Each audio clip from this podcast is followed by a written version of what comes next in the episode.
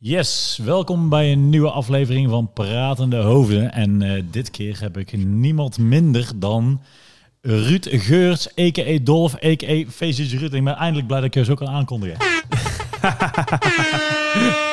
Dat is Yes. mooi, kom, er, kom je net meer vanaf. Ja, toch? Ruud, Ja. hoe is het met je? Eh, ja, bij mij gaat het, eh, gaat het heel goed. Ja? Ondanks eh, alles wat er speelt. Maar ik, eh, ik zit helemaal lekker in de wedstrijd. Als in, hoe bedoel je? Lekker in de wedstrijd. eh, heb, je, heb, je een, heb je een kutperiode gehad? Eerst net? Of, eh? Ja, ik moest wel. Ik, had, eh, ik moest wel even dit jaar.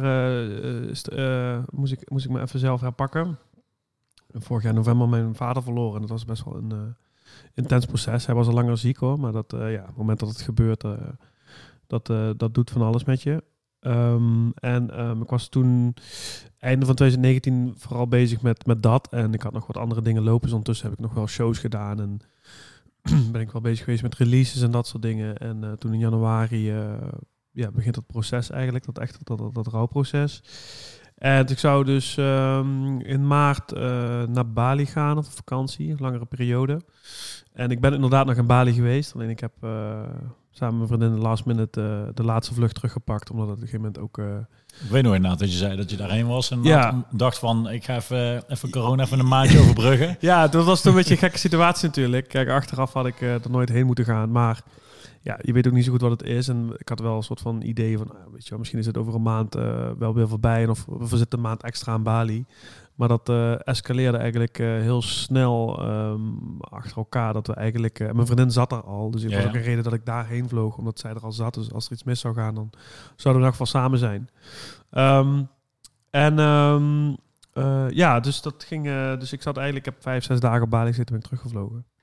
Dat is een eh, redelijk korte, ja. Dat is een redelijke korte, ja. Maar eh, nou goed, uiteindelijk eh, de juiste beslissing. En ehm, ja, en dan, dan kom je in een situatie van wat gebeurt er allemaal? Op een gegeven moment zie je agenda leeg raken en worden dingen natuurlijk gecanceld of verplaatst. En er is altijd een beetje hoop van, nou, als het nu in het voorjaar niet lukt, dan gaan we misschien in september. Nou, op een gegeven moment wordt in augustus ook wel duidelijk dat september ook niet gaat lukken. En ehm, ja, dan moet je jezelf toch wel een beetje aanpakken. Ehm, ik ben wel iemand die altijd met een plan werkt. En op een gegeven moment wordt dat plan wat er lag, wordt gewoon volledig de prullenbak ingegooid. ja. En dat eh, heeft wel even geduurd, ik denk tot ongeveer het begin, halverwege de zomer, voordat ik eigenlijk weer een beetje in een flow kwam. En ik merk eigenlijk nu na vier, vijf maanden dat het begin, dat het daar begonnen is, dat ik nu eindelijk, weet je, daar de vruchten van pluk, zeg maar, dat ik me gewoon... Het is een harde reset. hè. Het is even, ja, eh, het is echt een harde reset hoor, maar ook zo van, ben wel weer begint zeggen van, ja, ik ben, ik heb het meest uiteindelijk aan mezelf en ik heb mezelf op de rit moeten krijgen en ehm, eh, dat, is, eh, dat is nu aan het lukken. Want ik voel het gewoon aan mezelf. Ik voel dat eh, de creativiteit weer float en er komen weer goede dingen op het pad, zeg maar. Ehm, eh, dus je, je kunt er weer wat dingen doen. Kun je het En- zien als een tweede, misschien dat ik te snel doorga naar, de, naar het volgende punt. Maar ik bedoel, Ja. het, het punt dat je op een gegeven moment zei van, want je, je hebt dus jaren Feestje Ruud gedaan. Toen ben je op een gegeven moment, heb je dat, eh 2018 heb je dat gedag gezegd? Of was dat Nee, 2016 al. 2016 al? Ja, ja, ja. Ja. het Dat is vier jaar geleden. Tijd gaat snel, jongen. Gaat helpen, ja. Echt inderdaad. Ja. Kun je daar wat over vertellen? Want kun je ook, laten we eerst even bij het begin beginnen. Hoe is Feestje Ruud begonnen? Je bent een Venloenaar. Hoe, noem, hoe noem je dat? het begonnen? In Venlo, ja. ja Venlo, Bel- Belveldenaar. Klein, Belveldenaar. klein dorpje in de buurt van Venlo, ja. En je bent dus, eh, nou ja, ik bedoel, vertel maar. Ik, ik heb- het enige wat ik weet is Breda eigenlijk. Oh ja, ja, inderdaad. Nou, daar, gaan, daar, daar gaan we. Nee, ehm, ik, ben, ja, ik kom uit Belfast, een klein dorpje in de buurt van Venlo. En ik heb eigenlijk vanaf mijn... Mijn broer is begonnen met, met draaien toen hij 18 was. Dus ik was 14. En eh, we zijn een beetje met een drive-in show begonnen. En ik was eerst eigenlijk bedoeld als de lichtman die alle lichtjes ging aankoppelen en dat soort dingen. Een beetje ook eh, als Rodi meeschouwen en dat soort dingen. Maar ik kwam toen een beetje in aanraking met muziek en ik vond dat heel tof. Dus ik ging zelf eigenlijk alle muziek verzamelen en eh, maakte een heel archief aan van de cd's die we toen altijd nog eh, branden of inkochten of whatever. Maar in elk geval, muziek werd een beetje mijn interesse. En ik was daarnaast gewoon ook goed eh, geïnteresseerd in media en evenementen, zeg maar. Dus ik was daarnaast wel met een opleiding bezig en eh, iets aan het, aan het leren, zeg maar. En, eh, maar daarnaast ben ik gewoon fulltime blijven draaien. en dat resulteerde van een drive-in show naar... Ik ging in Venlo in de kroegen draaien, naar ehm, ja, de eerste festivals links-rechts. Ik ging zelf feestjes geven. Ehm, of dat nou feestjes met hip-hop Denk je dat het iets van het zuiden is? Want in een soort drive-in show. Want ik weet inderdaad bij in Prinsenbeek bijvoorbeeld heb je ook heel veel, heel veel gasten die Ja, beginnen soort dat- van echt zo'n Ja, dat DJ klopt. booth en ja, maar dat heb je hier volgens mij... hoe Hier, eh, hier, eh, hier in Noord-Holland heb je dat ook sowieso. ja. Ja, misschien- misschien, misschien heeft het ook met leeftijd ziet- te maken. Je heeft hem sowieso met leven te maken. Ja. En je komt het, het, het is natuurlijk ook iets heel dorps misschien. En hier in de regio, ja, kijk, als je in een stad in Amsterdam woont, dan, dan, dan de meeste kroegen hebben een installatie, om het zo maar te zeggen, Ja. als je ergens een feest geeft. Maar het, is natuurlijk, het gaat om die zaaltjes die dat niet hebben. En dat je dus, ja, maar ook van die trouwerijen, toch? Ja, ik heb, ja, ik heb precies, vroeger gewoon ja. aan de lopende band trouwerijen, eh, eh, Abraham, Sarah's gedaan, zilveren bruiloften. En daar ben ik wel echt mee begonnen, zeg maar. En gaandeweg dat ik ouder werd, kwam ik gewoon meer in de kroegen. En dan krijg je weer wat feestjes er langzaam heen. Ik ging dus zelf feesten organiseren. En vooral in Venlo. Dat begon met een... met, eh, ik had op een gegeven moment gewoon drie feesten. Dus ik had een, een feest wat... wat eh, feesten, themaavonden. Eentje die, die wat meer in de hip-hop kant zat. Muziek die ik zelf heel tof vond. Ik deed een, eh, een house conceptje. Dus met... wat toen de tijd een beetje vergelijkbaar was met Nope is Dope of zo. Ja, ja. Dus ook dat soort DJ's boeken. Dus DJ's Hardwell, Contino, Afrojack. ehm beetje in die commerciële house die toen echt opkwam. Begin van de IDM, zeg maar. en ik was zelf nog aan het draaien op een, een maandelijks op een feest wat jaren 90 muziek volop in het vaandel stond. Ehm, dus het was al- alleen maar de, de jeugdherinneringen van jaren 90 Ik wil zeggen, dat ik denk dat dat ook wel een beetje de kracht is van jou. Ik denk dat je de, juist door die verschillende Ja. types, zeg maar, dat je eigenlijk Ja, alles kan precies, draaien. precies. En daar is het ook een beetje begonnen. En daarnaast deed ik gewoon de feestkroeg en draaide ik op feestjes. Nou, op een gegeven moment krijg je daar een steltje, krijg je daarin gevonden. En ehm, ik heb het altijd tot naast gedaan. Daarnaast was ik dus bezig met mijn opleiding, uiteindelijk vrije tijdsmanagement. Dus toen ben ik in Breda gaan studeren. En de tv. En het tv, ja, ja, zeker. Ben ik in Breda gaan studeren en eh, ook daar dus weer in de kroegen aan het bak gegaan. Maar dan uiteindelijk ook weer bij feestjes terechtgekomen. En eh, toen in eh 2008 of zo, 2009, toen ben ik eigenlijk voor een eh, tripje naar Kreta gegaan. Ik kreeg opeens een aanvraag van, eh, of een aanvraag, iemand zei van, hey, wat voor jou misschien leuk is, is om gewoon drie weken in Kreta te gaan draaien. Ik zei, ja, maar het was een, het, het, het Hof van Holland, het staat er nog steeds, het is echt een toptent. Maar Ik, dacht ben wel- al vaak geweest. Ja, vaak geweest, ja. Maar ik, ik, had, ik had eigenlijk zoiets van, ja, het is niet helemaal mijn muziek, maar ik wist wel dat ik het kon, dat ik heel veel studenten dingen deed. Maar ik moest, dan moet je iets meer feest draaien. Ja. Maar ik dacht van, ik gooi er gewoon mijn eigen saus overheen. En, ehm, en ik ging daar drie weken heen. En eh ja, toptijd gehad. Dat was ook gewoon een gratis vakantie. Ik dacht van, ja, niemand neemt me dit af. Ja. En ehm, wat maakt dat uit, weet je? Dat, dat was, zo zat ik er een beetje in. Ook een soort van voor een periode dat die is echt groot werden, volgens mij. Of was dat net toen, nou, dat begon, toen begon dat eigenlijk allemaal. Dus echt dat die, wat ik net zei, die Nope is Dope, uh, Ja. beginperiode van de IDM, dat begon toen ook echt. Dus ook dat die DJ's inderdaad nou ook naar vakantieorde vlogen. En sommigen die hadden al uitstapjes echt naar het buitenland, die in Amerika Ja. voet in de grond kregen. Dus het was wel in die periode. Maar goed, ik draaide gewoon in een feestcafé. En ik, nog steeds, ik was gewoon volledig bezig met mijn stages en mijn, mijn opleidingen. En eh, had nog steeds niet de intentie om te draaien. Maar goed, ik kom terug van Kreta. En ik had het een beetje verteld van ja, ik heb gewoon in een feestcafé gedraaid, super gezellig allemaal en eh, prima gratis vakantie gehad. En toen zei iemand van ja, je bent gewoon eigenlijk gewoon een feest-dj. Je bent eigenlijk gewoon een feest-dj Ruud. Ik zei ja, ik kan niks met deze naam. maar ehm, op een gegeven moment dacht ik ook van ja, het is gewoon een hobby en eh, ik hou gewoon deze naam en ik vind het gewoon grappig. Maar voordat ik het wist had een andere vriend ook weer van mij een feest georganiseerd. Had me zo op die flyer gezet van feestje Ruud, Feestje bekend van Hof van ja. Holland, uh, Ja. Sonisos. Ja, ik zei ja, whatever. En ehm, ik weet nog ook nog dat ik in die tijd eh, deed ik ook eh, andere vrienden van mij deden feest in Breda, Rauw en Lauw. Ja. Daar was ik een soort van resident DJ van. En ik zei opeens van ja, mijn naam wordt gewoon feestje Ruud. En een van de jongens zei van ja, ehm, ik ga je niet zo op mijn flyer zetten. ik zo, ja, maar kom op, het maakt er niks uit. Nee, ik ben gewoon een resident, het is gewoon grappig. En Ja. eh, ik ben nog steeds diezelfde guy, dus die mensen komen wel. En wat maakt het nou uit, zeg maar. Dus Wat, uiteindelijk... wa- wat was je non wat was je echte credible naam? Nee, Wat daar ga, naam? ga niet over. Nee, nee, nee, nee, nee, nee. Nee, ik heette toen de tijd, had ik volgens mij nog Noody Rudy als naam. Ja, En ik draaide ook onder Woodboy of zo. Maar dat ging allemaal nergens op. Maar goed, op een gegeven moment komt dat feestje Ruud verhaal. En ehm, ehm, ja, dan vanaf daar ging het een soort van een vogelvlucht. Dus je had die naam en mensen dachten dus inderdaad dat ik Hollandse muziek draaide. Maar ik draaide toen altijd heel veel electro en dubstep dingen. En maakte daar ook wel geintjes tussendoor met Nederlandse muziek. Of, eh, of natuurlijk happy hardcore dingetjes. En, ehm, eh, en heel veel hip-hop muziek of zo. En dat, ja, dat balletje ging weer met rollen, zeg maar. En toen denk ik dat heeft twee jaar geduurd of zo. En toen kwam ik in contact met, ehm eh, werd ik in contact gebracht met Ruben, Ruben van de Party Squad. Ja. Die had een loopje liggen. En dat loopje, eh, daar konden, ze, konden, konden zij niks mee. En kwam toen op mijn pad, omdat iemand zei van ja, hier kan je, eh hier kan Feestje Ruud wellicht iets mee, zeg maar. Maar ja, ik had natuurlijk ook nooit de ambitie om muziek te maken. Ik was gewoon het draaien. Ik werkte toen, dat, gaat een beetje zij links ernaast, maar ik werkte op dat Ja. moment ook wel bij Extrema. Dus ik zat ook in de evenementenwereld. Daar was ik vooral mee bezig als, als eh, creatief eh en ik denk ook dat dat was nog een periode dat je ook nog eh bij wijze van spreken succesvol kon worden zonder bij wijze van, eh, echt te produceren.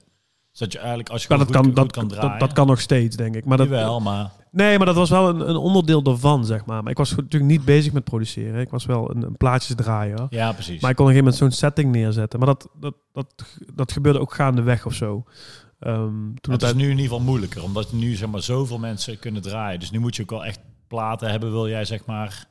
Ja, maar ja, of, iemand moet een bepaalde setting neer kunnen zetten. Ik geloof nog wel nog steeds in, eh, in, in, in dat een DJ eh, die een bepaalde sound aanneemt, nog steeds dingen kan doen zonder dat hij 1, 2, 3 muziek uitbrengt, zeg maar. Ja, dat, ja, dat denk ik op zich ook wel. In Het essentie is is wel, het, het is wel moeilijker, denk je, dan, dan zeg maar ja, het is natuurlijk wel weer, het is wel weer veranderd. Maar ik denk wel dat iemand die nog steeds een, een toffe platencollectie eh, eh, selectie kan maken, dat daar nog altijd wel gewoon- dat dat gewoon nog altijd het belangrijkste is. Ik bedoel, ik ken ook heel veel jongens die heel veel muziek kunnen produceren, maar die kunnen geen, geen meter draaien. Dus, De, ja, dus dat is ook weer de andere kant van de ja, medaille. zeg precies. Nee, eens. Ehm, en waar zat ik nu in mijn tijdlijn? Je was... eh, Eh, ja, ik, bij- ik zat bij Gas op de Lolly. Dus Ja. dat, het melodietje komt en ehm daar zijn we in de slag gegaan. En ik had natuurlijk niet de ambitie om muziek uit te brengen. Maar ja, op een gegeven moment gebeurt, kwam er op een paar dagen van, weet je wat, ik ga dat ook gewoon doen. En ik heb letterlijk, eh kwam ik weer in contact met Topnotch. Die hadden, die hadden inmiddels ook wel eh, doorgekregen dat er iets gebeurde met die naam, Ruud. Mensen hadden het erover. En kwam ook omdat ik bij Solar werkte. Dus ik was heel veel contact en ik deed heel veel nog steeds feestjes en zo. Dus heel veel artiesten kenden mij ook. En er was een soort van beurs gaande van oké, die, die guy dat, die doet iets tofs met het publiek. Komt er weer zijn plaat bij kijken en alles viel een beetje op zijn plek. en ik heb toen letterlijk mijn spaargeld opgenomen, daar een videoclip bij geschoten. En de plaat uitgebracht. En het was eerst bedoeld om in de zomer uit te brengen. En ehm, toen kwam het uiteindelijk uit rond de carnaval van 2012, net daarvoor. Ja, en ehm, de eerste deed die plaat helemaal niks. Maar toen op een gegeven moment, week, weken voor de carnaval, merkte ik gewoon heel erg dat die, ehm, dat die plaat steeds meer plays kreeg in de weekenden. Ik kreeg Ja. veel meer respons en zo. En eh, ja, met carnaval is die plaat toen sky high gegaan. Maar het was zeg maar in het zuiden was het een carnavalsplaat. ja, En in Amsterdam werd het dan gedraaid in de Jimmy Woo of in de Club Air Amsterdam. Een soort van guilty pleasure. bubbels. Eh Bubbles werd hij sowieso ook gedraaid. Maar dat was het weer een feestplaat, Ja, zeg ja, maar. maar hij werd ondertussen ook op soort van Ja, hip-hop georiënteerde avonden gedraaid. ja. En toen dat tijd had je bijvoorbeeld op zondagavond dat je echt nog eh in Club Eer kon uitgaan en volle bak was. Ja, dan Ja. werd die ook plaat ook gewoon echt gedraaid. Als een soort van guilty pleasure. Ja, dus op een gegeven moment heb je gewoon een, een soort van hit op zak. En ik eh, zat bij Boekskantoor, of ik zit nog steeds bij Top Billen. En ehm, daar, dat was ook een beetje een soort van ehm, eh, dingetje in de, in de marketing tool of zo, om het zo maar te zeggen. Dat alles samenviel. Ik zat bij een groot boekskantoor, ik zat bij uh, Topnotch. Je zat echt tussen de jeugd en de opposites en dat soort Ja. dingen. Dus dat viel heel erg op en dat werkte eigenlijk alleen maar mee. Dus ik kreeg aan de ene kant kreeg ik heel veel aanvragen voor eh feest, cafés, ehm, discotheken. En aan de andere kant zat ik links en rechts op festivals te draaien. en op een gegeven moment ehm, ja, ging dat gewoon eh, sky high. Dus op een gegeven moment kwam die act een beetje op gang. Nou, er komt natuurlijk een beetje confetti bij. Ja. Op een gegeven moment hadden we bedacht dat die opblaasbeesten mee het publiek in gingen. Hoe ben je En- daarbij gekomen? een soort van...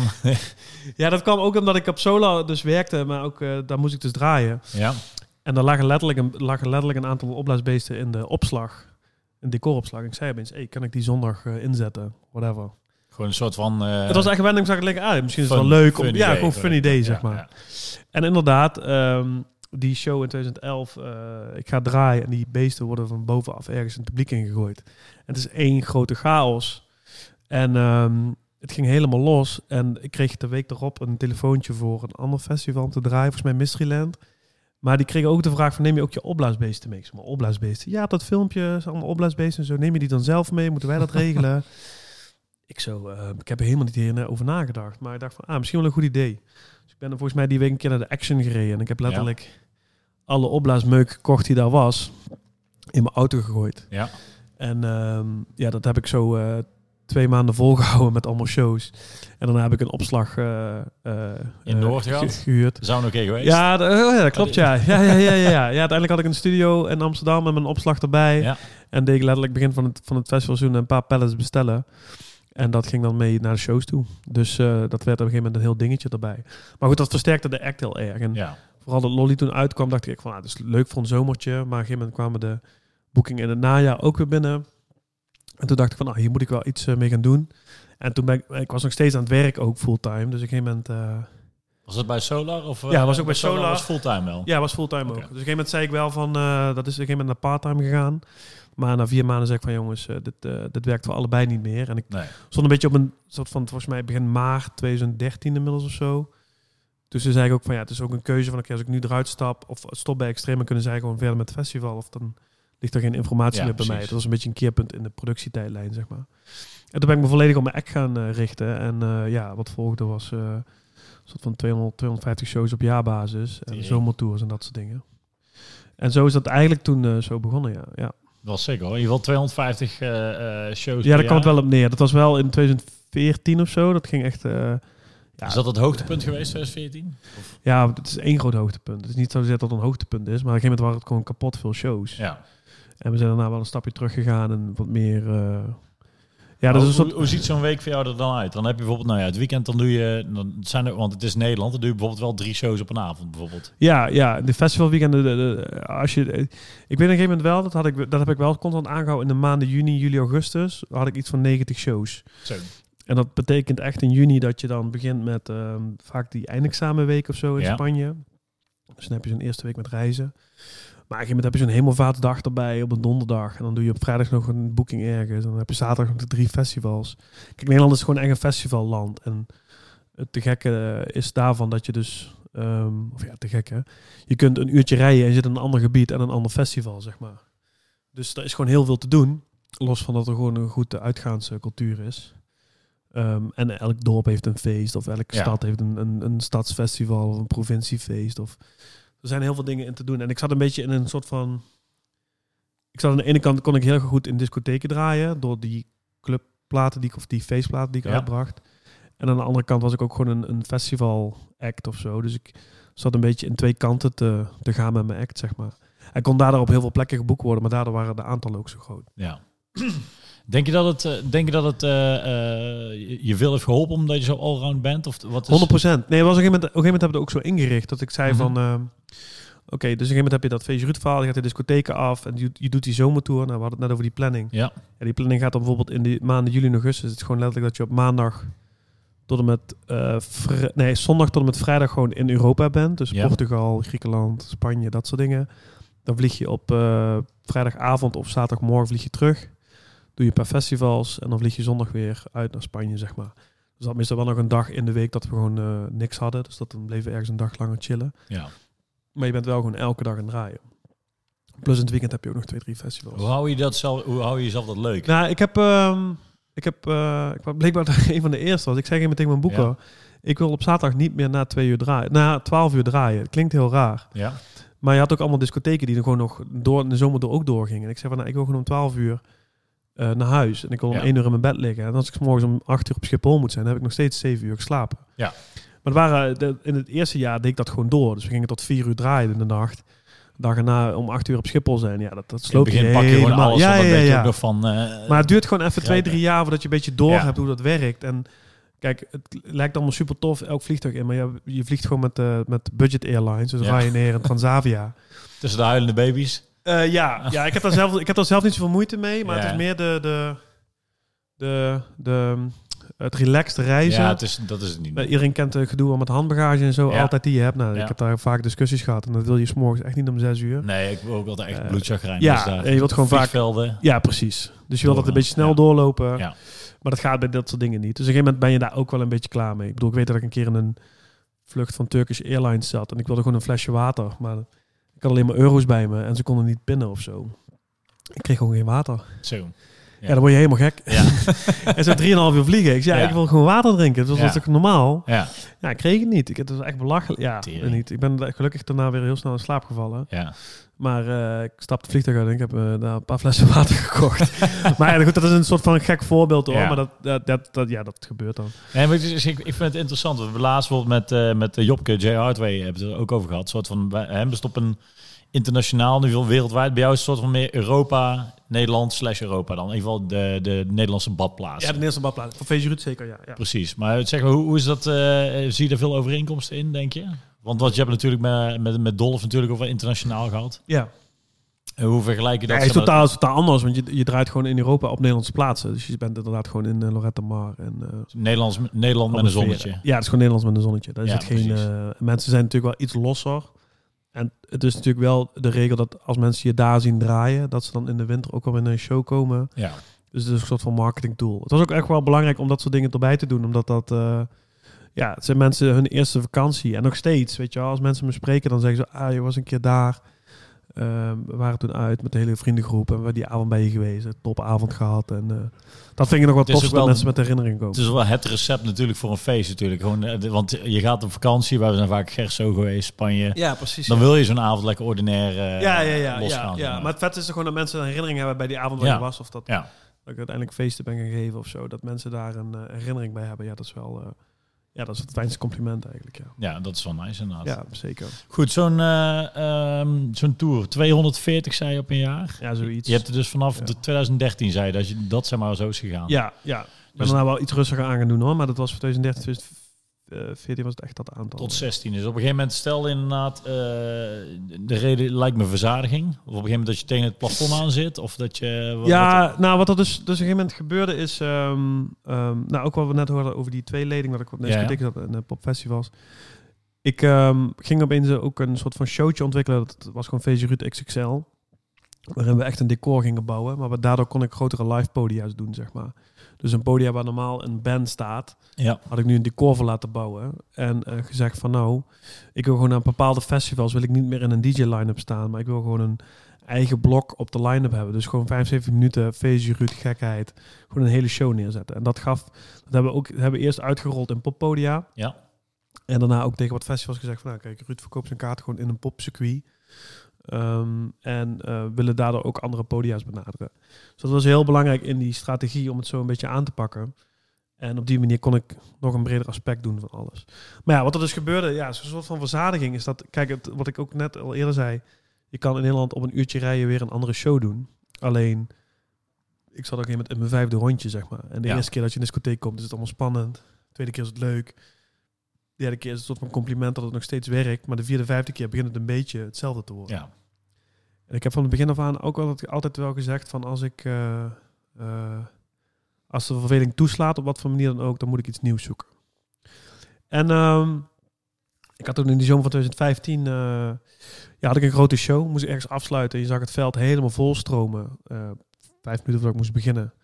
En die set ging echt van een leien dakje. En er zat ook heel veel nieuwe muziek in en zo. En, eh, maar ik weet niet dat ik echt van het podium afliep en een van mijn beste vrienden was mee. Die zei van ja, het was echt een te gekke show. Maar jij stond erbij als een zak aardappelen. ja. Ik zei, ja, zo voel ik me ook. Ehm, en eh, ja, dat klopte gewoon iets niet. Nee. Dus ik ben die dag, die week nog zelfs met mijn boeker gaan praten. Ik zei, ja, ik weet het niet, maar ik heb het idee dat dit, eh, dit, dit ergens naartoe moet gaan. En ik wil het gewoon even aankijken. Dus ik ben die zomer een beetje gaan checken wat ik echt nog wilde en hoe het eruit moest zien. Ik heb toen na de zomer echt gezegd van, ik, ik ga dit nog een jaar doen en dan stop ik. Ja.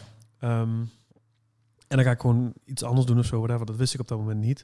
Eh, maar ik zei van, ik wil gewoon een jaar doen. Ehm, we gaan nog één keer dat rondje volop doen. Met een paar dingen die ik graag wilde doen. En dan ronden we hem af. En dan de AFAS of de Heineken Musical toen de tijd was ook een soort van ding. Magnum opus. Ja, was ook een soort van dingetje wat ik op mijn lijst had van oké, dan als, wil ik hem daar afsluiten met een eigen avond. Ja. En daarna is het klaar, zeg maar. Dus eh, daar zat natuurlijk wat voorbereiding in. Toen hebben we dat in april, nee, mei eh, 2016 aangekondigd. Ja, dat was gekkenhuis. Want ehm, ja, vooral nu, eh, nu soms wat laatste tijd ook een beetje op terugkijken, is van soms heb je ook niet door hoe groot het is of zo. Nee. Omdat je gewoon, je doet je, het is een soort van werk, dus je doet je shows. En maar wat ik vaak zei, hoe vaak mensen naar me toe komen met herinneringen van dingen, dat, dat vergeet je nog wel. En dat is, dat is dus het relaxed, zeg maar. Omdat je dus eh, alles vanuit zo, zo, zo groots kijkt, dan kun je nooit zeg maar, er meer erin. Of in ieder geval is het moeilijker. ja, Als je op een gegeven moment iets gemaakt hebt, jij hebt het eruit gegooid en jij doet gewoon je ding. Ja, maar dan, ja, ja, dat, wat dat zo'n ding wat bij jou een van de 240 is, dat dat voor hun iemand is, iets Ja. is, wat bij hun jaren blij, bijblijft, zeg maar. Ja, precies. Dus, dus ja, inderdaad. En dat, eh, dat, is, dat is heel anders. Maar daar, door die aankondiging en door die hele run was 2016 eigenlijk gewoon nog één groot hoogtepunt. Echt elke show was weer helemaal aan, zeg maar. Echt tot de max. En dat het ook echt weer kicken was. Van, oh, weet je wel. Hoogtepunt uh, Prinsenbeek, hè? Kan nog Eh, ook gewoon Prinsenbeek. Ja, precies. Maar dat was ook, dat was ook altijd gekkenhuis, weet je wel. Maar, dat, maar ehm, eh, ja, er was ook een gegeven moment in de jaren ervoor dat je een gegeven moment een boeking had. En, en je had het idee dat je er niet echt overheen kwam of niet echt kon toppen wat het jaar daarvoor gebeurde. Maar 2016, elke show was gewoon schot in de roos, zeg maar. En alsof het nog harder ging dan, dan dat we gedaan hadden. Ehm, en ehm, eh, eh, Denk je niet dat het moeilijk is, zeg maar, van wanneer is genoeg genoeg? Want ik, heb, ik weet nog heel veel mensen die zeiden wel, ja, Feestjes Ruud is zo, dat gaat zo goed. En waarom ga je niet door? ja. Het is een soort van... Ja, dat is eigenlijk wat ik net zei. Dat, dat- doordat, ik ging, doordat ik zei, ik Ja. ga stoppen, werd dat jaar nog een soort van totale madness. Ja, Ehm, en ik weet zeker, als ik dat niet had gedaan... een soort closure in je hoofd, dat je denkt van... Ja, maar als ik, als ik niet had gezegd van, ik ga dat jaar stoppen, dan had ik ook... Ik weet dat er dat op dat moment ook partijen waren die zeiden van, ah, we gaan Ruud dit jaar misschien een keer niet boeken, zeg maar. Ja, precies. Niet dat dat erg is of zo, maar ik had zelf zoiets van... Ik moest zelf gewoon even eruit. Ehm, eh, ik moest daar gewoon mee stoppen om, om weer ideeën of voor mezelf Ja. een beetje op te laden. Ik had ook zoiets van, ja, kan je dit voor altijd wel aanhouden? Alleen ik had gewoon even nieuwe triggers nodig en ideeën vooral ook. Dat was een beetje op. En ehm, ja, ik was gewoon toe aan iets nieuws. Dat, dat was het vooral. Gewoon dat je gewoon zo... Het is, kijk, ik ben natuurlijk begonnen als een DJ en op een gegeven moment ben je gewoon eh, eh, bezig met een act. Het was ook een, niet, ja, ik zeg niet dat het een trucje was, maar er was wel goed over nagedacht van hoe Ja. we een show openen. eh, wat mijn MC de hele tijd zegt. Ik had natuurlijk ook altijd een MC bij me. Shout-out naar Diego en Jeff. En Ja. Ron in het begin. En ehm, daar was altijd wel over nagedacht van wat er gebeurde. Dus ongeacht waar wij waren, was het ook altijd een beetje dezelfde show. Kijk, links en rechts kon ik altijd wel andere muziek draaien. Maar ik heb wel altijd vanaf het begin gezegd van... overal we komen moeten we een bepaalde kwaliteit leveren. En de ene keer zal dat misschien nog tien keer overheen gaan. Maar als Ja. een show misschien wat minder aanvoelt of whatever... dan hebben we altijd iets om terug te vallen. Want we weten dat de show verder klopt. Met de Ja. nummers die erin zitten. En wat er gezegd wordt en hoe we het publiek ophypen, zeg maar. Dus dat was ook heel belangrijk voor dat ding. Maar dat was ook een beetje, ja, dat op bij een act. En toen moest ik daar ook weer wat nieuwe, nieuwe uitdagingen in vinden, zeg maar. Ja, ik bedoel, dat is altijd wel het relaxed van feestje. Ruud. Je weet gewoon bijvoorbeeld een naam, je weet niet wat er gedraaid gaat worden. Nee, van, van alles nee, eigenlijk. Maar ja. je weet, er komt een opbouw Ja, en je gaat ja. gassen, zeg maar. Het is alleen, de vraag is, ga je meteen gestrekt Ja, benen ga je meteen gestrekt been Of bouw je een klein beetje op? en Ja, ik weet toch dat echt bijvoorbeeld gestrekt been. Ik weet dat Solar te- deden in 2016. Ja, En toen had ik, we deden, ik deed samen een podium met vage gasten. Dus we ontwerpen en we deden samen line-up en zo. Dat was echt te gek. En ik had mezelf eh, op zondagmiddag neergezet om half drie. Ja. Zelf, ja, betekent natuurlijk programmering. Maar ik, zei, ik wil twee shows doen op zondag en eentje begint om half drie. Maar ik dacht nog, ik had gewoon echt een set voorbereid. Gewoon een beetje indraaien, gewoon lafjes. Wat gebeurt er om half drie? Staat die hele area bommetje vol. Iedereen die op dat moment op het festival Ja, was... En half drie op een zondag een festival is vrij vroeg ja. die stond in die area. En wij hebben meteen soort van meteen alles open gegooid en zijn vol gast erin gedoken. Ehm, dat ik daarna ook echt een half uur even ergens moest zitten, want ik zeg van, wat de fuck was dit? Zeg maar, om van half drie tot half uur vier. lang 180 ja, bpm. om half drie. Om En toen hadden we eigenlijk om acht uur nog een set. Ja, Zo. volgens mij die set, ik weet niet of het die was, ja, volgens mij was het die set waarin we gewoon, ehm, de MC die kon niks meer zeggen. Er werd zoveel geschreeuwd en gedaan, dat Ja. hij op een gegeven moment ook, eh, Jeff, uh, keek me zo aan. Ja. Oh, zat gewoon, zat gewoon letterlijk, gewoon dat. Hij Ja. was niks meer aan het zeggen, want hij kwam er gewoon niet bovenuit. Totale gekkenhuis. Ehm ja, dat, dat, dat waren van die dingen. Dus gewoon totale madness gewoon. Gewoon mensen meteen gas open en, eh, en knallen, zeg maar. Ja, ik denk dat dat wel het, het toffe is. Maar ze zijn bijvoorbeeld de acts, want het is... zijn- hoe, hoe omschrijf je zo'n act? Een party act, feest act? Nou, de grap is, en dat is, dat is, daar heb ik, dat zeg ik dan ook wel de laatste tijd vooral, eh, ja, de laatste tijd is veel zelfreflectie.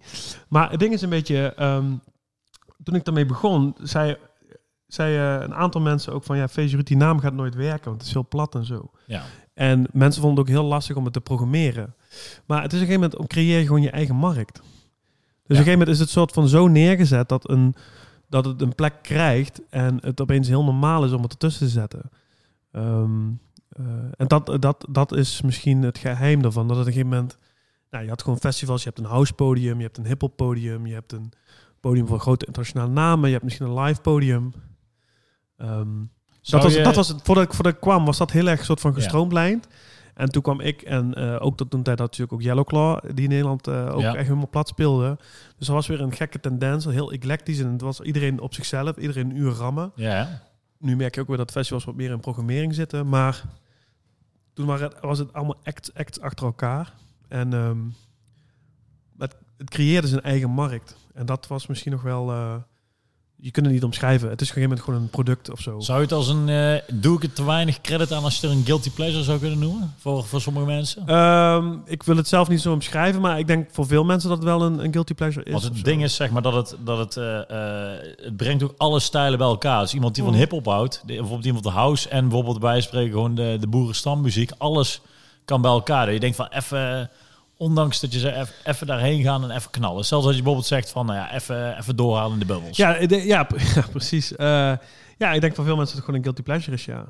Ik vond het, dit klinkt heel raar, maar een van de grootste complimenten die ik ooit heb gekregen, zei iemand, eh, ik, vind, ik vind je muziek helemaal ruk, maar hoe je het neerzet, vind ik helemaal te gek. Ik dacht Ja. van ja, dat, dat, dat wil je. Dat je er eigenlijk geen spel tussen kunt krijgen, dat het gewoon klopt van A tot Z en dat het gewoon, eh, dat iemand dan wel kan zien dat er gewoon over nagedacht is dat ook hard gewerkt wordt, zeg maar. Want dat Ja. was het ook al. Dat is, het is, het echt. is echt een goed product. Er zit, zit veel, veel liefde in, dat merk je. Ja, ook, maar. ook liefde, maar er zit ook gewoon, eh, ja, er zit gewoon werk in. Ja. Het is niet dat ik, dat ik eh, ergens heen ga en even mijn stick indouw en dat, maar er zit, er zit heel veel meer aan dan dat, zeg maar. En is denk je ook niet een, een part of de, de succes of de succes, maar dat er heel veel zelfspot in zit? Want bijvoorbeeld, eh, bijvoorbeeld heel 100%, veel ja, artiesten en dingen die vind ik zelf geweldig. Maar Nou, je- het ding is ook dat vaak mensen natuurlijk vragen van waarom, waarom gaat niemand, is niemand in dat gat gesprongen ja, of zo. precies. Weet je wat denk van ja, het is, het is, het is eh, kijk, er zijn andere namen waar je een andere, ander gezicht op kunt plakken, qua acts of zo, qua, qua naam, maar er zit Ruud in mijn naam, dus, Ja, dus precies. het begint het eigenlijk wel bij mijn persoon. kijk En ook- bijvoorbeeld naar een, naar een snollebolletjes, weet je. Dat is ook een soort van Ja. hele, ja, laten we zeggen, een soort van domme uh, ja, zelfspottige act. Dat je denkt van, nou ja, goed. eh, Nou, in het begin was hij natuurlijk, was, was Snollebox echt nog een, een act die, waar muziek uitkomt en hij was het gezicht ervan. Ja, Kijk, ja. en inmiddels is dat, is dat ook wat meer een persoon geworden en Ja. is dat ook verder gegaan. Dus nu niemand anders kan Snollebollekes meer zijn dan, dan hij het is, zeg maar. nee, precies. Maar ik bedoel meer van, eh, eh, hij verkoopt uh, een paar keer uit. Iedereen kan- gaat bijvoorbeeld snollebolletjes. Oh ja, dat is dat. Ja. Maar ik ga er wel heen. Ja, precies. Ja, oké, maar dat, ja, maar dat, dat, ja, goed. Maar los daarvan is hij ook wat meer, heeft het ook meer een, een personage gekregen de afgelopen jaren dan dat het ooit begonnen is Ja. of zo. Bijvoorbeeld de, de Party Animals treden nog steeds op. Ja, precies. Maar er zitten vier nieuwe jongens onder. En dat zijn niet de ja, originele een beetje boys. die, die eh, soort van fout uur, dat soort Ja, feest, dat soort eh, dingen. Ja, ja, ja. Maar dat, dat- je kunt er wat moeilijker een...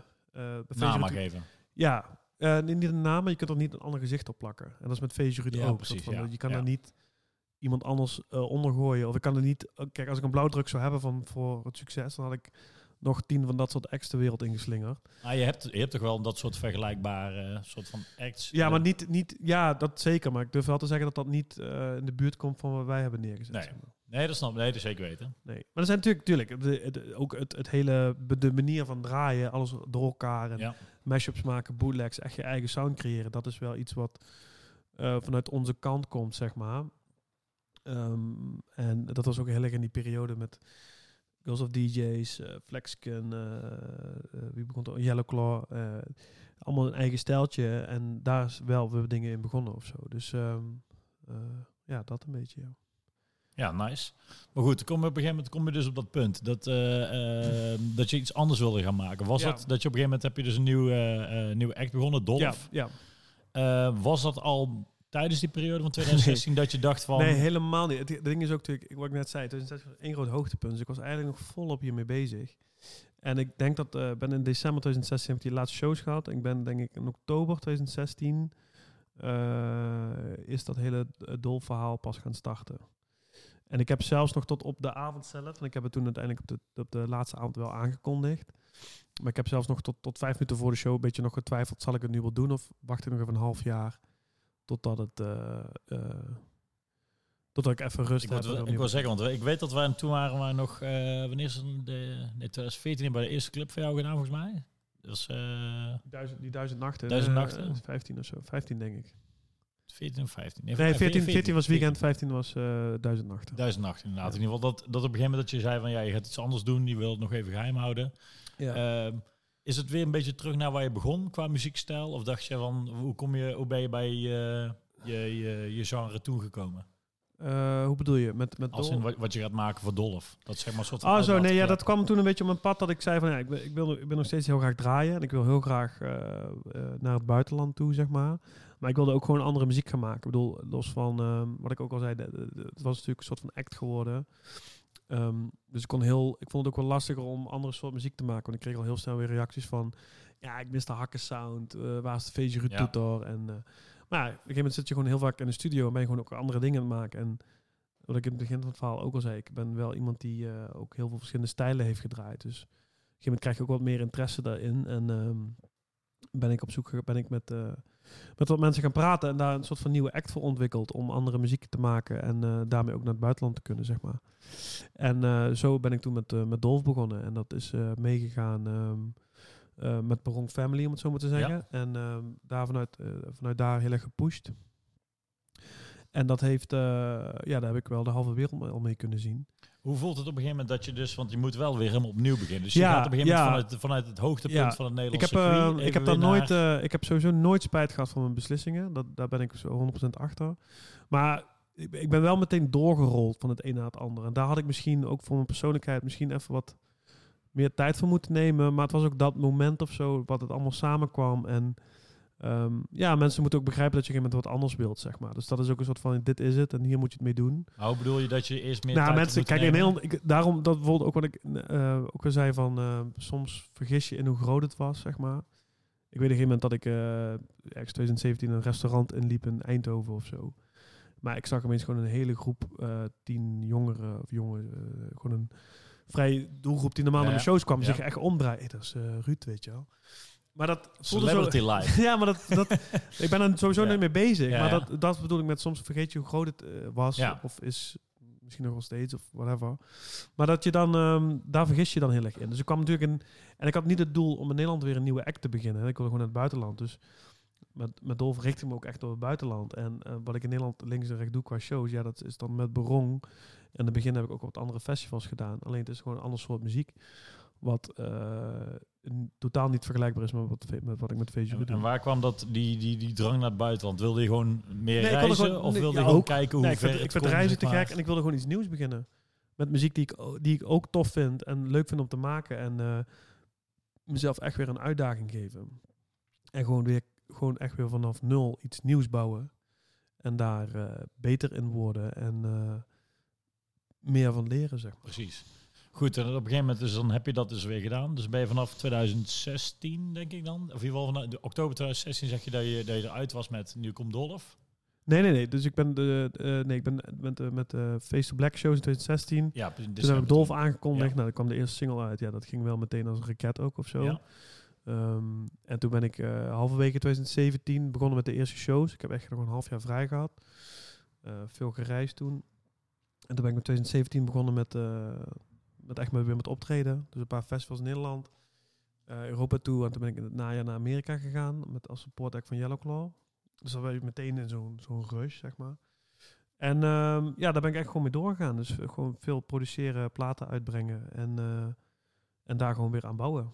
En het is natuurlijk op een andere manier. Maar ik, ik heb vooral ehm, het laatste half jaar kapot veel in de studio gezeten. En weer nieuwe muziek gemaakt. En ik heb toevallig de afgelopen twee weken in heel veel eh, schrijfsessies gezeten voor nieuwe Ja. muziek en zo. Dus eh, ja, daar, daar komt gewoon weer heel veel aan. En ik zit daar in een betere, fijnere positie nu dan, eh, dan hoe ik dat twee jaar geleden een beetje kon. Precies. Dus veel creatiever. Maar toch, ik vind het toch interessant, want dan, eh, je hebt dus een, dan heb je op een gegeven moment even rust. Dan ben je dus inderdaad met Dolf bezig en Ja. dan krijg je, ik, zoals ik ook al bij de vorige bij, bij Jopke zei, op een gegeven moment als je rust hebt of als je even iets niet meer hebt, dan heb je tijd om te reflecteren. Ja, Dus dan zeg jij, nou, nou je ziet hoe, hoe groot het was of hoe succesvol het was. ja. En gaat het dan toch blijkbaar knagen dat je denkt, waarom? Of dan pak je het weer uiteindelijk Het zijn, een paar, het zijn een paar dingen. Kijk, ehm, de eerste instantie was 2016 echt een hoogtepunt. Dus ik stopte op een gegeven moment echt voor mijn gevoel op een hoogtepunt. Ja. Maar ik stopte ook op tijd. Dus ik dacht me ook zoiets van, oké, als ik nu iets, als ik dat, als het, op een gegeven moment kreeg ik ook gaandeweg dat gevoel van, nou, als dat nu dus echt mee stopt, dan is er altijd nog ruimte om weer iets te gaan doen, op wat voor manier dan ook. En het ding is ook, ik was nog, ik was net twee maanden gestopt. Het eerste telefoontje kwam al binnen van, hey, eh, eh, denk je al na over een comeback? Ja, precies. Ja, en ik zei, ja, kom op maanden, zeg, weet je ja. wel. Ik ben net gestopt. Ja, ik ga het nooit doen. Of ja, ik ga het niet doen. Nee, precies. En ik zat er nog sowieso nog in een rush. Ik was lekker op vakantie. En ik had echt een half jaar... eh, heb ik wat trips gemaakt en zo. Dus ik zo, nee, dat is, gaat helemaal niet gebeuren. Maar ja, het jaar erop... hey, wil je wat doen? Ik zei, nou, kom op. Laat me met rust. En ik heb op een gegeven moment Ja. ook echt een voorstel op tafel gekregen... Wat ik, eh, waar ik nee tegen heb gezegd. Maar dat heb ik... eh, ik heb in een telefoongesprek nee gezegd. En dan heb ik nog een sms gestuurd van laat me nog heel even over nadenken. Maar eh, dat heb ik toen alsnog niet gedaan, want het voelde gewoon niet goed. En ik was wel zoiets van, als ik het doe, dan moet het goed voelen. Het verhaal Ja. moet kloppen. Ik moet zelf de ideeën weer hebben. Ja. En ehm, ja, daar ging gewoon een tijd overheen. En ik denk dat ik eind 2018 of zo... ja, ging vrij snel. Maar op een gegeven moment kwam er weer een partij. Ik zei, nou, doe maar een, doe maar een voorstel hoe jullie het zien. Ja. En dan ehm, nou, hadden zij dus, eh, nou, we geven je een eh, sluitspot in de grote tent. En eh, de hele, dit is de hele productie die we kunnen doen. En ehm zo en zo. En op een gegeven moment had ik dus ook die...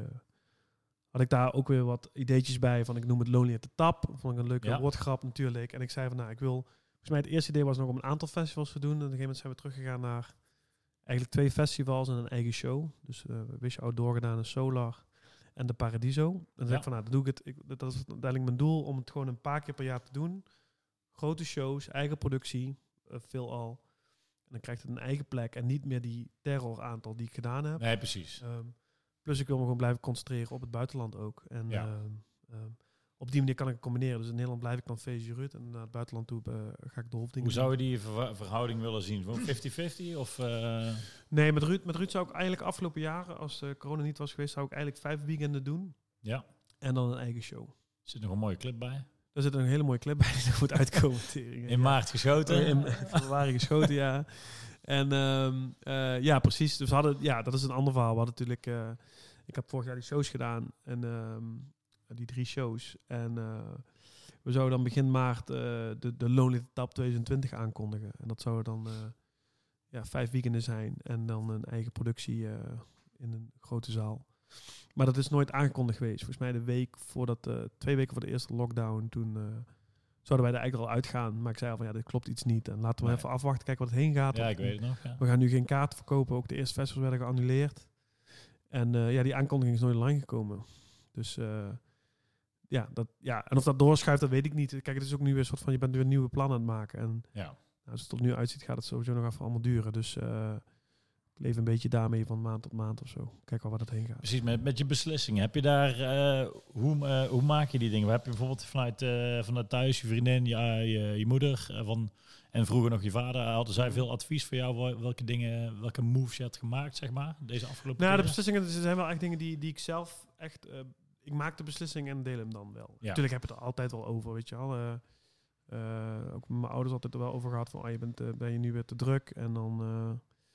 let een beetje op jezelf, weet je dat soort dingen. Maar ik heb me altijd wel goed onder controle gehouden, hoor. Maar ehm, eh, dat zijn wel beslissingen die ik altijd bespreek. Of met, met mijn oude tourmanager, met Robin of Hakim... Of met mijn MC's of wat andere vrienden om me heen. Ja, daar praat je wel heel veel dingen mee, zeg maar. Maar eh, het is altijd wel een wel overwogen beslissing. En ook Ja. omdat ik dan kan uitleggen waarom ik wat doe. En ik was natuurlijk wel bang dat ook bijvoorbeeld niet bang, maar mensen zeiden dan oh, die comeback, oh, weet je al, eh, je hebt het nodig en zo. Nee, ik, ik vind het gewoon leuk Ja, om te doen. Tuurlijk, Ja. En ik, ik kan daar ook een bepaalde creativiteit in kwijt. En ehm, ik, ik heb ook vooral dat ik wil gewoon leuke dingen doen. Ik wil gewoon geen gezeik om me heen hebben Ja. eh, over releases of projecten. ehm. Vrijheid eigenlijk. want ja, ik wil gewoon vrijheid hebben. En die heb ik. En dat is heel fijn. Die heb ik zelf kunnen Ja. creëren. Maar ja, ik wil gewoon leuke dingen doen. En dat klinkt heel eh, clichéachtig, maar dat, daar komt het wel een beetje op neer. En ik heb het nu wel zo neer kunnen zetten dat het, dat het die vrijheid heeft, zeg maar. Ja. Ja, dat is, dat is, eh, die zie je wel heel belangrijk. Ja.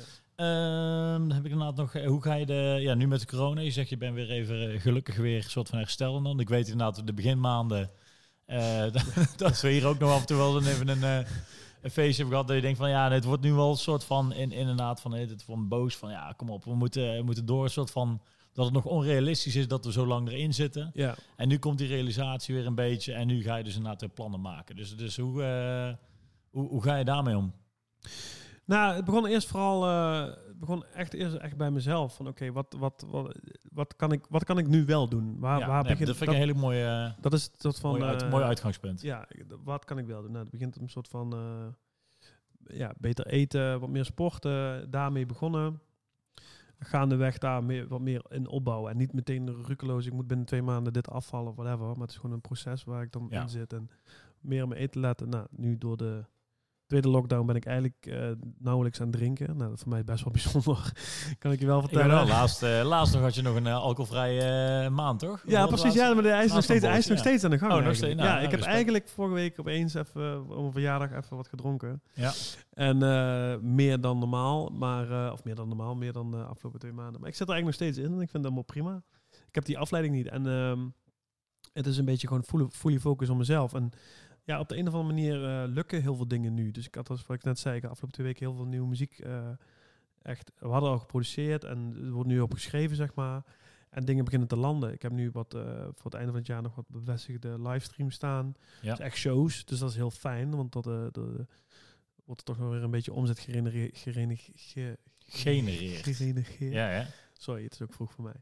En um, uh, dus op een gegeven moment, ja, het is echt het idee van je, je plaatst je energie gewoon goed en zet goed neer. En dan begint er weer wat te groeien of zo. En ik ben toevallig, uh, ja, dat, dat is allemaal nog heel onduidelijk, maar ik ben ook weer met allemaal andere dingen aan het kijken, los van het draaien of los van de en de Face Service De Sunny Face Service natuurlijk, ja, dat is ook zo'n idee. Uh, op een gegeven moment ga je kijken wat wel kan. En ik had een, een um, over livestreams weer gesproken. Ik, toen die eerste lockdown kwam, waren natuurlijk iedereen sprong meteen op livestreams. Ja. En dat uh, vond ik interessant. Ik heb toen ook heel veel dingen afgehouden. Ik heb toen links of rechts wel een keer ja op iets gezegd, omdat dat dan weer grote productie was of zo. Ja. Wat mij kan uithalen. En um, we hadden toen. Um, ik had van dus voor eigenlijk voor deze zomer gepland om ergens op een festival Sunday Face Service te doen. Om echt vanaf één uur gewoon gast te geven met een volkszanger en uh, blaaskapel en dat soort dingen. Beetje als poef op wat uh, Kanye West doet. Ja, ja. En um, Um, maar ja, dus op een gegeven moment is daar niks mee gebeurd. En toen op een gegeven moment ben ik een beetje ja, met jou ook gaan praten.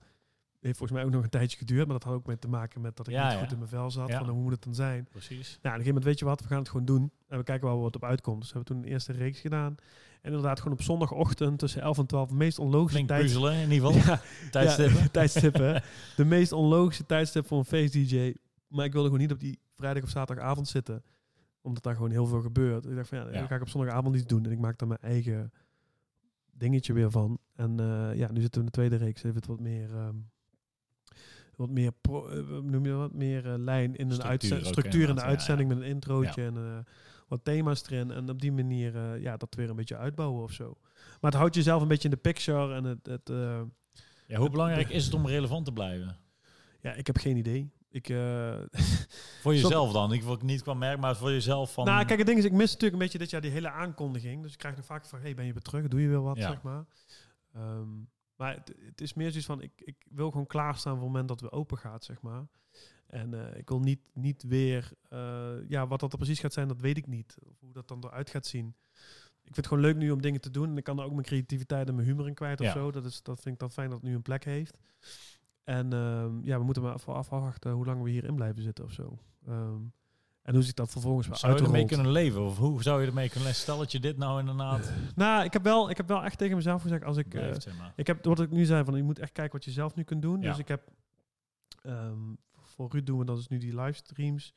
Eh wat ik zei, ik heb dus nu een aantal andere dingen bevestigd die, daar, die dus misschien een, een antwoord zijn op dit, zeg maar, wat te gek is. Ja. En ik heb zeg maar muziek-wise nu het, eh, ben ik een plan aan het maken voor komend jaar. Van dit zijn mijn releases voor komend jaar, voor Ruud en voor Dolf. En als daar rond de zomer of vanaf de zomer geen vooruitzicht is op shows, ja, dan wordt het gewoon een, eh, dan wordt het een beetje een uitzichtloos verhaal, zeg maar. Ehm, en dan, dan, dan heb ik geen idee wat ik ga doen. Ik ben er toevallig nu wel mee Ja. bezig. Ik ben van de week een paar gesprekken aan het voeren die wat verder gaan. eh, ja, Dan ik denk dat dat vooral inderdaad de, de het belang is van kijken wat je nu doet. Stel dat er nou eh, eh, niks meer kan. Want dat, dat, eh, dat soort verwerk hebben wij ook gehad. Op een gegeven moment, nou goed, je kan niet meer reizen, je kan niet meer video's Mhm, maken. mhm. Dus daarom is ook dit het soort van begonnen. Maar eh, eh, stel inderdaad dat je, dat je dit door moet, zou je ermee kunnen leven. Eh, eh, eh, eh, ja, ik kan, tuurlijk. Ik bedoel, eh, als ik iets heb geleerd, dan is het ook eh, dat ik altijd mezelf nog heb en dat er genoeg eh, dingen zijn waar ik van de baan kan. Ehm, en eh natuurlijk zou het heel zonde zijn als je niet meer kunt draaien of die festivals niet terugkomen. Ik heb daar zelf niet over nagedacht, maar ik denk wel dat het gewoon op een manier weer terugkomt. Ik heb Ja. van de zomer ook van die terrasdingen kunnen doen. Maar ik geloof wel dat het misschien nog wel een jaar gaat duren. Alleen, ehm, ik weet niet of ik dat, of ik überhaupt zelf nog zin heb om daarop te wachten of zo. Ik heb dan liever dat ik... ehm, nou, ik ben aan het kijken om nu misschien nog twee, drie dagen bij bij een ander, eh, bij een reclamebureau of een productiebedrijf gewoon mee te lopen en gewoon dingen te leren en Ja. nieuwe dingen te doen. Bezig te blijven. ja, ik heb toevallig laatst ook een certificaat gehaald om uit te kunnen helpen in de zorg. Oh, Heb ik een cursus voor gevolgd. Eh, ja, dat klinkt wel. waar, maar waar, waar, kwam die, eh, waar kwam dat vandaan, dat idee? Nou, ik had dus in die, in die zomerperiode... Ja, zo, dat komt ook uh, blauw Ja. erin. Ja. Nee, van die zomerperiode dat ik het, dat ik het lastig had, of eh, toen ik het echt aan het zoeken was, dacht ik, Ja, van, ik moet me laten omscholen of zo. Ik moet gewoon heel iets anders gaan doen. Komt ook omdat ik zoiets heb van, ik heb geen... Ja, klinkt een beetje raar, maar het, ehm, ik had het laatst een keer goed omschreven. Iemand omschreef het heel goed voor mij. Ehm, ik vond het gewoon een beetje gek om mijn energie en eh, ideeën en dingen die ik had in andermans projecten te steken. Terwijl ik Ja. zelf nog soort van idee heb dat ik nog zoveel kan doen met mijn eigen act. Ja, zeg maar. precies. Dus waarom Ja, zou ik mijn ideeën 1, 2, Ja. 3 in anderen stoppen en het niet stoppen in mijn eigen projecten, zeg maar. Ja. Ehm, een beetje raar omschrijving, maar Nee, dat ik snap dat- het. Dat doen wij bijvoorbeeld zelf ook wel. Als wij bijvoorbeeld van hier, eh, waar we het vaak over hebben, zoveel, Ja. zoveel moeite in van die domme projecten waar niemand Ja, naar kijkt. ja, maar ja, dat, dat, dat geeft een soort van nog meer energie dan nooit voor je. Voor Ja, doet. inderdaad. En dat, ja, dat klinkt ook met de gedachte, van, ja, we gaan over drie maanden weer open, dus waarom zou ik nu meteen voor iemand anders gaan werken of zo? Ja. Dus ik heb toen eh, wel gedacht van ik laat me gewoon helemaal omscholen. Dus ik ben in zo'n project gestapt met zo'n eh, met een loopbaancoach. Maar daar kwam eigenlijk na drie gesprekken wel achter dat ik eigenlijk aan het doen ben wat ik heel leuk vind. En dat eh, ze zei, zij zei ook van eh ja, 80% van de mensen die ik spreek, eh, die zitten niet op de goede plek.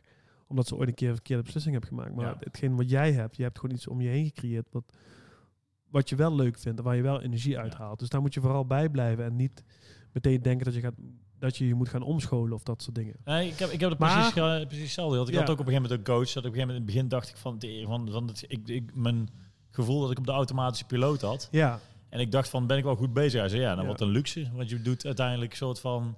ja dus dat, dat besef ik je leuk nodig. vindt, ja. Maar ik zei ook daarnaast ook wel, ik voel me gewoon eh, niet nuttig op dit moment. Dus waar je normaal shows geeft en mensen inderdaad een toffe ja, avond geeft en eh, al die herinneringen eh, die ze dan opbouwen. Ehm, en hoe ik er ook een beetje in stond van ik ga gewoon echt een eigen feest produceren en Ja. heel veel mensen gewoon een toffe avond eh, geven. Dat miste ik ook een beetje. Plus het Ja. feit van hey, ik moet misschien iets doen in die crisis, want ik voel me gezond, ik voel me fijn, ik voel me gezond, ik voel me fit. Ja. En ik wil gewoon eh, helpen waar nodig, zeg maar. Dus ehm, ben ik dus zo'n, eh, op haar advies zo'n cursus gaan volgen om, om te gaan helpen in de zorg. Dat certificaat heb ik nu. Ik ben even aan het kijken hoe je dat precies moet inzetten. Hoe komt de zorg? Puur uit, uit functionaliteit, dat het nodig was? Of dat nee, dat kon, heeft, ook te nee, heeft ook te maken met, eh, met, met hetgeen wat ik met mijn pa heb meegemaakt, zeg maar. Ja, En ehm, eh, dat heeft ook te maken dat mijn moeder eh, voor veel familieleden ook altijd gezorgd heeft. eh, uitgeholpen heeft met dingen. En ja, ook met wat er gaande is. Dat altijd mensen wel hulp kunnen gebruiken. Ehm, dus ik ben een beetje in, die hoek aan het kijken of in elk geval iets eh, om steady vrijwilligerswerk te doen. Of Ja. ja. ja, gewoon om mezelf wat nuttig te maken, te voelen en tegelijkertijd ook wat meer, eh, ja, ook wat onder de mensen zijn. Ja. Dat, ben, dat, dat mis ik ook. ja nee, zeker weten. Ja, en dat kan niet, of dat, dat, eh, dat mag niet, of eh, hoe je dat ook wilt zien. En ehm, eh, ik was laatst, toevallig was ik laatst met een aantal mensen op, op veilige afstand en zo, maar ik moest gewoon Ja, weer wennen om een gesprek aan te gaan. Waar ook mensen die, niet, die ik zelf niet 1, 2, 3 kende. Ja, ja. Ja, dat is een ander gesprek dan je voelt. dat ik met Small talk, zeg small, maar. Ja, echt small talk. Ik moest op Ja, een ook echt... Ik maakte er nog een grap over om Ja. het ijs te breken. Ik zei, oh, wie ben je? Ja, ik doe dit. eh, weet je wel, echt dat hele lijstje afgaan. Maar ik, de small talk kon ik gewoon niet meer Ja, opbrengen. ik, ik, maar de vraag is ook, moet je dat willen? Ja, ik, ben- ik ben er soms ook lichter echt Nee, moet je, nee, maar dat was, dat was, het was een, eh, was, eh, nee, ik was wel met mensen die allemaal leuk waren. En Ja, oké. ja, ik wilde ja. dat ook. Ja, ja. Maar ik zei op een gegeven moment gewoon ook zo van hardop van, hoe werkt het alweer? Ja, nee. Ik ben niet gewend om met onbekende mensen te Nee. zitten waar je wel een soort van band mee hebt, doordat iemand Ja. anders ook in de ruimte is. Maar om een beetje te praten, eh, ja, gewoon. Ik had dat laatst zo. Ik had laatst gewoon een feestje gebounced. Van, ik dacht van, nou ja, er waren er vier mensen of zo. En dan wa- dat mocht al net. Ja. En ik zei, ken ik daarvan? Nee, je kent drie. Ik zei, oh, dat gaat me zoveel energie kosten. Want ik Oh, moet, dat, ja, ja, ik ja, moet ja. dan de hele avond met drie mensen die ik niet ken. Dan moet Ja. ik drie keer En je- vertellen. en je verhaal doen. en dan eh, vertel, ja. oh, wat leuk. En, dit en, dan, oh man. Ja, ja dat, eh, dat was even schakelen. Maar dat denk ik ook wel. Ik mis dat ook wel, zeg Ja, maar. Tussen de mensen Het is, zijn. het is een realistische eh, afspiegeling van de maatschappij. Af en toe moet je gewoon even in die, in die awkward situaties zetten. Of dat je Ja, even, 100%. Maar normaal zit je in die, Ja. in die situaties. Dan, wordt- dan of, wordt het voor je of voorgeschoten. ontmoet en je al, ik, vind je gewoon, ik vind het gewoon leuk om mensen te ontmoeten en Ja. eh, verhalen te bouwen, zeg maar. Of mensen te leren kennen. En, eh, eh, Dat vind ik ook leuk. Dat gewoon, gewoon, ja. ja. lekker met eh, vreemde mensen praten. ja, precies. En dat, dat mis ik bijvoorbeeld ook aan reizen. Ik bedoel, daar ontmoet je zoveel mensen mee. Dus Ja. dat, eh, eh, ja, dat, daar leer, dat heb ik het idee dat ik er heel veel van leer, natuurlijk. Maar ehm, Reizen is dope. Eh, ja, ja, dat sowieso. En dat, eh, ja, dat mis je dan ook of zo. Ja. Ik had, ik had het toevallig, eh, ik was eh, twee weken terug, was ik eh, een paar dagen naar Snake. Ehm, ook omdat ik natuurlijk heel veel thuis zit. Ja. Maar ook meer een soort van, eh, ja, je moet gewoon even een andere omgeving hebben. Op een bootje. Nee, dat niet. Nee, ik had een, een Airbnb gehuurd, maar mijn MC die eh, woont daar, die heeft een eigen gym. Ja. En ik eh, heb daar nog wat eh, productiedingen gedaan, of eh, muziek geproduceerd. maar ik was voor het eerst weer eh, vier dagen in mijn eentje. dus zelf koken, eten Echt, echt halen. alleen alleen? Of, eh, ja, echt alleen alleen. Ik had natuurlijk wel afspraken dan daar. Ja, ja. Maar ik moest op een gegeven moment gewoon zelf de boodschap voor mezelf koken. Ja, niet dat ik nooit voor mezelf klinkt een beetje raar, maar je bent, ik ben Ja, ja. altijd met mijn vriendin of vrienden over de vloer of, eh of een heel van iets. Maar gewoon even weer het zelf eh, weer een beetje uitzoeken. Wat je normaal op tour ook doet, dat je gewoon even alleen bent. En soms heb je gewoon zin in een ander eten, ga je van de supermarkt en dat soort dingen. Ja. Gewoon lekker met jezelf. En dat, dat is heel fijn, maar dat is ook van die dingen die je weer aan moet wennen of zo. Maar ga, ja, natuurlijk, omdat je natuurlijk een vriendin hebt. Dus dan ben je, als je alleen bent, ben je met z'n tweeën, bij wijze van spreken. Ja, je bent eigenlijk altijd met z'n tweeën. Ja. Je zit ook in het huis en, en zij moeten veel vanuit huis werken. Ehm, Ja. eh, ja, ik wilde begin dit jaar ook een eh, nieuwe studio, kantoor zoeken. Alleen eh, toen dat allemaal begon, dacht ik van, nou weet je wat, ik ga die kosten nou niet, niet maken. En ik kan alles vanuit thuis doen uiteindelijk. En ehm, eh, of ik ga bij iemand anders in de studio zitten, of ik huur Ja. een studio, dat, dat doe ik dan.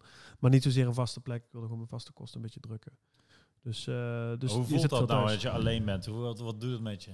Nou, ik had het dus gemist. Zo van, oh ja, weet je wel? Ja. Van, oh ja, zo werkt dat dus. Gewoon zelf even nadenken over wat je moet eten... in plaats van dat je met niemand kunt overleggen. Ja. Het zijn van die hele simpele dingen. Maar dat bracht me gewoon weer een beetje terug naar... eh, nou, in principe anderhalf jaar geleden of zo. Ik Dat vind het altijd eh, interessant. Ik ben natuurlijk al best wel lang vrijgesteld. Ik heb, dat is voor Ja, mij de ja, ja. standaard, zeg maar. Dus ik, ik, vind. Het, ik vind het altijd soort af en toe weer moeilijker om met iemand juist te doen. Dat ik Ja, dat kan me voorstellen, Moet ik compromis gaan doen. Ja, ja. Dus ik vind lekker, ik doe eigenlijk dus altijd Jorrit Time. Ja. Dus dat is, eh, Het is altijd Jorretime. Ja, dat is een goede slogan. Had je zo je podcast moeten noemen. ja, precies. ik doe gewoon je zin in heb. It's Jorrit Time, ja, precies. Eh, Nee, ja, maar het- ja. ik vind het daarom interessant om te horen. Want heel veel mensen hoorde ik inderdaad die dan nu zeg maar problemen hebben. Of in ieder geval uitdagingen hebben. Die dan een lange relatie hebben gehad. En nu weer op zichzelf zijn aangetro- aange, Ja. ge- ja, gewezen, zeg maar. ja. Dus, het zal eh, zeker wennen hoe mensen daar zeg Ja, maar ik moet wel... Het feit dat mijn vriendin en ik al, ook al zo lang samen zijn... heeft ook ermee te maken dat we altijd toch gewoon elkaar echt goed de ruimte hebben gegeven. En zij het, zij het stiekem ook fijn vond dat ik even een paar dagen de, de deur uit ben, zeg Ja. maar. Gewoon even je eigen plekje en... eh, ook even eh, ook weten dat... Het, het komt eigenlijk weer op neer van weten dat je uiteindelijk... ehm, ook met jezelf goed uit de voeten kan, zeg maar. Ja. Dus niet dat, weet je, on- ondanks alles wat er gebeurt... Als je het vertrouwen volledig in jezelf hebt, dan... ehm, dan weet je dat het op welke manier dan ook al goed komt. Of dat, er weer, dat je weer iets verzint waardoor je, waardoor je weer door kunt. Of Ja, ik denk dat daar zeg maar, de, de, kern van het persoon neerkomt. Dat je op een gegeven moment van als je iemand. Ja, Dat, daarom is dat, wat dat betreft is corona goed. Als je iemand even alles wegstript wat hij op heeft gebouwd. ja, maar dat is het misschien wel wat, hoor. wat ga Maar- je dan doen? Ja, precies. Wat ga je dan doen? En dat merk ik ook heel erg om me heen. En, en sommige mensen die komen daar wat lastiger uit. Ik bedoel, dat is ook een ding Ja, natuurlijk. natuurlijk. Ja. En ik heb voor mezelf wel heel snel, ehm, bijvoorbeeld, ik ben dus ook in het eerste half jaar, op een gegeven moment ook, toen ik terugkwam van eh, mijn vakantie, echt gezegd van ik ga nu niet bezig zijn met werk. Ik ga niet bezig zijn met muziek. Ik ga even niks doen. Ik ga niks gerelateerd aan het werk wat ik normaal doe. Om maar even af te schakelen en dan in, in juli, toen wilde ik eigenlijk volgens mij in juni weer beginnen. Dan ben ik in juli eigenlijk pas weer de studio ingedoken en voorzichtig weer wat dingen, voorzichtig klinkt een beetje raar, maar langzaamaan weer wat dingen gemaakt en Ja. een beetje teruggegaan naar, eh, ja, nou ook een beetje misschien hoe ik begonnen ben of zo. Ik ben letterlijk, ik weet niet dat ik eh in Belfort door het bos ben gaan wandelen of zo, mijn moeder een stukje, maar dat brengt ook alweer een soort van, oh ja, weet je wel, dat is een soort van eh, een beetje terug naar hoe ik daar vroeger ben begonnen en zo. Dus ehm, eh, ja, een beetje gewoon echt weer hergroeperen Ja. en weer nieuwe dingen zoeken. En dat resultaat zich nu weer in een soort van die livestreams en dat er allemaal dingen gaande zijn en dat je dat eh denkt van ja, dat werkt dan toch of zo. ja. Ja, niet of zo, dat werkt. Dat werkt. Dat werkt, dat We blijkt zien het. Cijfers. Ja, ja, ook deze week met, ja, met Ja. heel veel schrijvers zitten. En die zitten ook al een beetje met hetzelfde. Van ja, we moeten ook weer terug naar... ehm, ja, er wordt ook gewoon een soort van... Heel veel mensen hebben natuurlijk... eh, maken muziek doordat ze toeren. En er wordt gewoon minder getoerd, dus er is minder omzet. En Ja. wordt ook veel minder geproduceerd. De schrijvers zitten daar ook weer een beetje mee. En je hoort ook veel mensen die gewoon weer op een andere manier zijn gaan schrijven. eh, nummers en zo. Dus iedereen zit een beetje met... Ja, het is gewoon weer kijken van, als, dat, ik denk dat dat het ding is. Stel, van, i- niemand kan meer, eh, eh, ja, je, je ript het even weg. Al het geld Mhm. wordt weg, want niemand verdient er geen reet meer mee. Mm. En dus, dus wat, wat ga je nu maken wat je echt leuk vindt inderdaad? Of al? Ja, Ja, of, of jezelf heruitvinden. Maar ook dat, ja. ik ken ook jongens die ehm, eh, draaien of helemaal iets anders zijn gaan doen. Omdat ze wel moeten, maar ook omdat eh, dat ze eh, misschien ook weer in Andere talenten. andere talenten of eh, mensen die normaal in technische productie zaten, die nu voor bedrijven werken en daar bij andere dingen voor tekenen. Op een ander technisch niveau. Jezelf een beetje heruitvinden, ja. Ja. Dus ja, Interessant. Zeker. Alright, ehm zullen we nou even kijken. Wat is je toekomst? eh hebben we nog mooie toekomstplannen? Eh, heb ik nog toekomstplannen? Ja, dat, Ja. ja. Ja, nou, wat ik zei, ik heb nu eigenlijk gewoon een jaarplanning. Of ik ben bezig met een jaarplanning. En eh, komt een kleine gezinsuitbreiding aan volgend jaar. ik wou zeggen, ik wou, ik, ik, ik, wou, zeggen- ik wou er eigenlijk teasen, maar ik weet niet of ik, wist niet of ik het mocht Ja, vragen. Ja, Ja, ja, dat mag je wel vragen. Ja? Ja? maar ik, ik, ik hou sommige dingen wel een beetje privé. ja. Maar er komt een eh, gezinsuitbreiding aan in februari. En eh, daar, heb ik, daar, kijk ik heel erg, daar heb ik heel veel zin in. Little, fa- little party. Babyface. Baby Babyface natuurlijk. Dat, dat bijnaam is natuurlijk al. en eh little, little Party. Little party party. Little Party Party, ja. Zo'n goede rapnaam zijn, ja. Babyface. Ja, oh, ja. nee, dus dat, dat is natuurlijk dat, ja, dat is het mooiste wat er, wat, er, wat er aankomt en wat er is. En, ehm, en werktechnisch, ja, is het qua muziek ga, ben ik, ik ga een jaarplanning maken. En dan is het een beetje afwachten eh, of er uitzicht komt op shows. En ik ehm, ben daarnaast bezig met wat andere dingen die toevallig ook deze week op mijn pad kwamen. En ehm, ja, daar ben ik nu mee bezig. Ik kan niet, ik, ga daar verder niet nee, op in, maar precies. Nee. er komt weer een beetje op hetzelfde verhaal. Ja. Van op een gegeven moment ben je energie een beetje aan het veranderen en komen er wat andere ideeën. En vind ik daar ook al misschien weer iets nieuws in. En dan. eh, De balans is in ieder geval nu beter in ieder geval door, door, door het- ja, ik heb zelf rust. Ik voel me goed. eh, thuis gaat alles goed.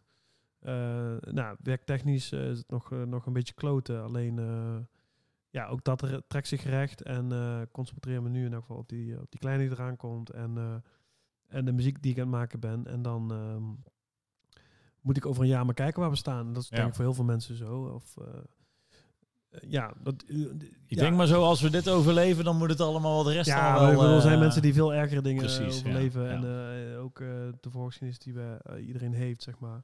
Ja, Dus, ehm, dus de, de- ja, dat heb ik ook al heel erg geleerd. Er zijn er natuurlijk honderdduizend dingen erger. En, eh, eh, en eh, nogmaals, weet je, ook als alles weg zou vallen, dan, dan, dan zie ik nog steeds, heb ik nog steeds veel vertrouwen in mezelf. En dan kan ik Ja.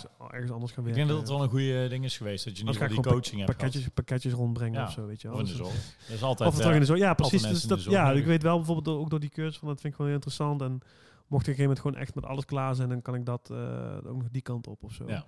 Daarvoor heb ik die cursus ook gedaan. En dus eh, ja, een beetje op die manier. Ja, ja. Nou, tof. En eindelijk die clip eruit rousen. ja, ja dat, dat is een van Die de heeft, die heeft nu wel een extra goede mening als je niet naar de clip kijkt. Ja, het, nog ik niets heb die clip laatst inderdaad nog gekeken, ja. En je kan hem nu zo op meerdere manieren Ja, opvangen. precies, Maar ja. het is een soort van, hij was natuurlijk al bedoeld als eh, dat ik alleen op de wereld ben of zo. Ja. Lonely at the Top. En eh, hij is eigenlijk nog steeds the Top. dus dat is wel, eh, ja, er zit ook heel te denken Dubbele betekenis. Ja, dus het begint nu wel een dubbele betekenis te hebben, ja. Dus Alright. Volgens mij ook wel wat meer kilo's aan mijn lichaam daar, maar goed, dat maakt niks uit. Dat past bij de clip, hè. dat hoort erbij. Ja, de oude tijd, ja. Mooie afronding. Alright, eh Ruud, dankjewel voor de komst. Ja, Eh, zeker. nou ja, we gaan nog veel meer van je horen. Hopelijk, eh, ja, sowieso om de twee de weken de, bedoeling, de ja. Sunday Face Service. En eh, Ja. hopelijk langzaamaan als we weer op gaan bouwen. Ik hoop het. Let's hoop het zo. Dan eh, Ja, houden we contact. toppie. Dankjewel en eh, bedankt voor het kijken, luisteren. En eh, tot de volgende keer. Joe!